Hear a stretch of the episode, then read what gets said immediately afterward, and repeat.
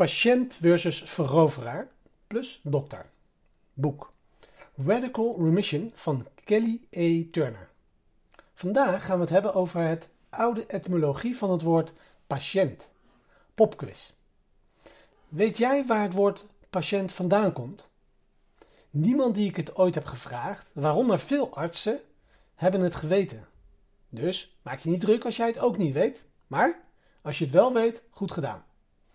Het antwoord, zoals Kelly eh, Turner aangeeft in haar geweldige boek Radical Remission, komt het woord patiënt van het Latijnse pati, wat letterlijk lijden en of onderwerpen betekent. Een patiënt, iemand die lijdt of zich onderwerpt. Toen ik dat hoorde, dacht ik bij mezelf dat het heel erg veel lijkt op slachtoffer. Nu weet ik niet hoe het met jou zit, maar ik ben geen grote fan van lijden en of onderwerpen.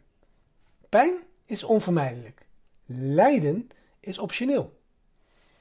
Als zodanig merkte ik dat ik dacht: wat is het tegenovergestelde van iemand die zich onderwerpt? Popquiz 2. Wat denk jij? Wat is het tegenovergestelde van iemand die zich onderwerpt? Antwoord: iemand die verovert. Kijk, dat vind ik wel leuk. En dat brengt ons bij het punt van de microles van vandaag.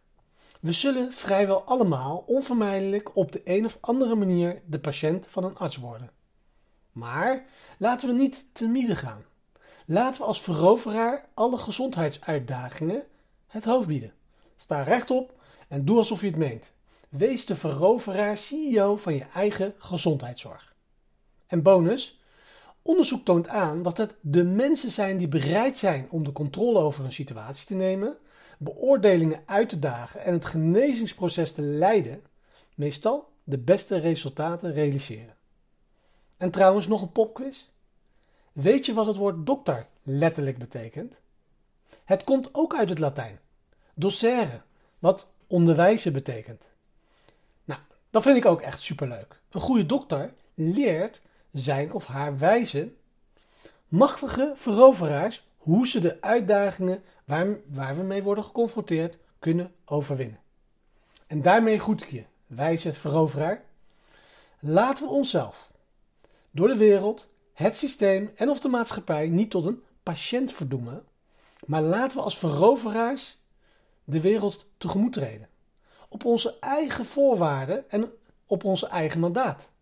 En dat doet me denken aan een quote van Viktor Frankl.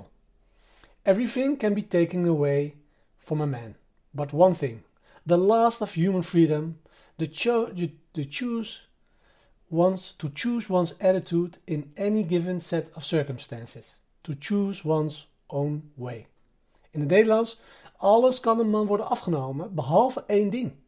De laatste menselijke vrijheid om je houding te kiezen, in welke omstandigheid dan ook, en om je eigen weg te kiezen. Houd dit in gedachten. Als je alles geprobeerd hebt en geen andere opties meer ziet. We hebben uiteindelijk nog altijd de controle op hoe we omgaan met de pijn en het lijden van het leven.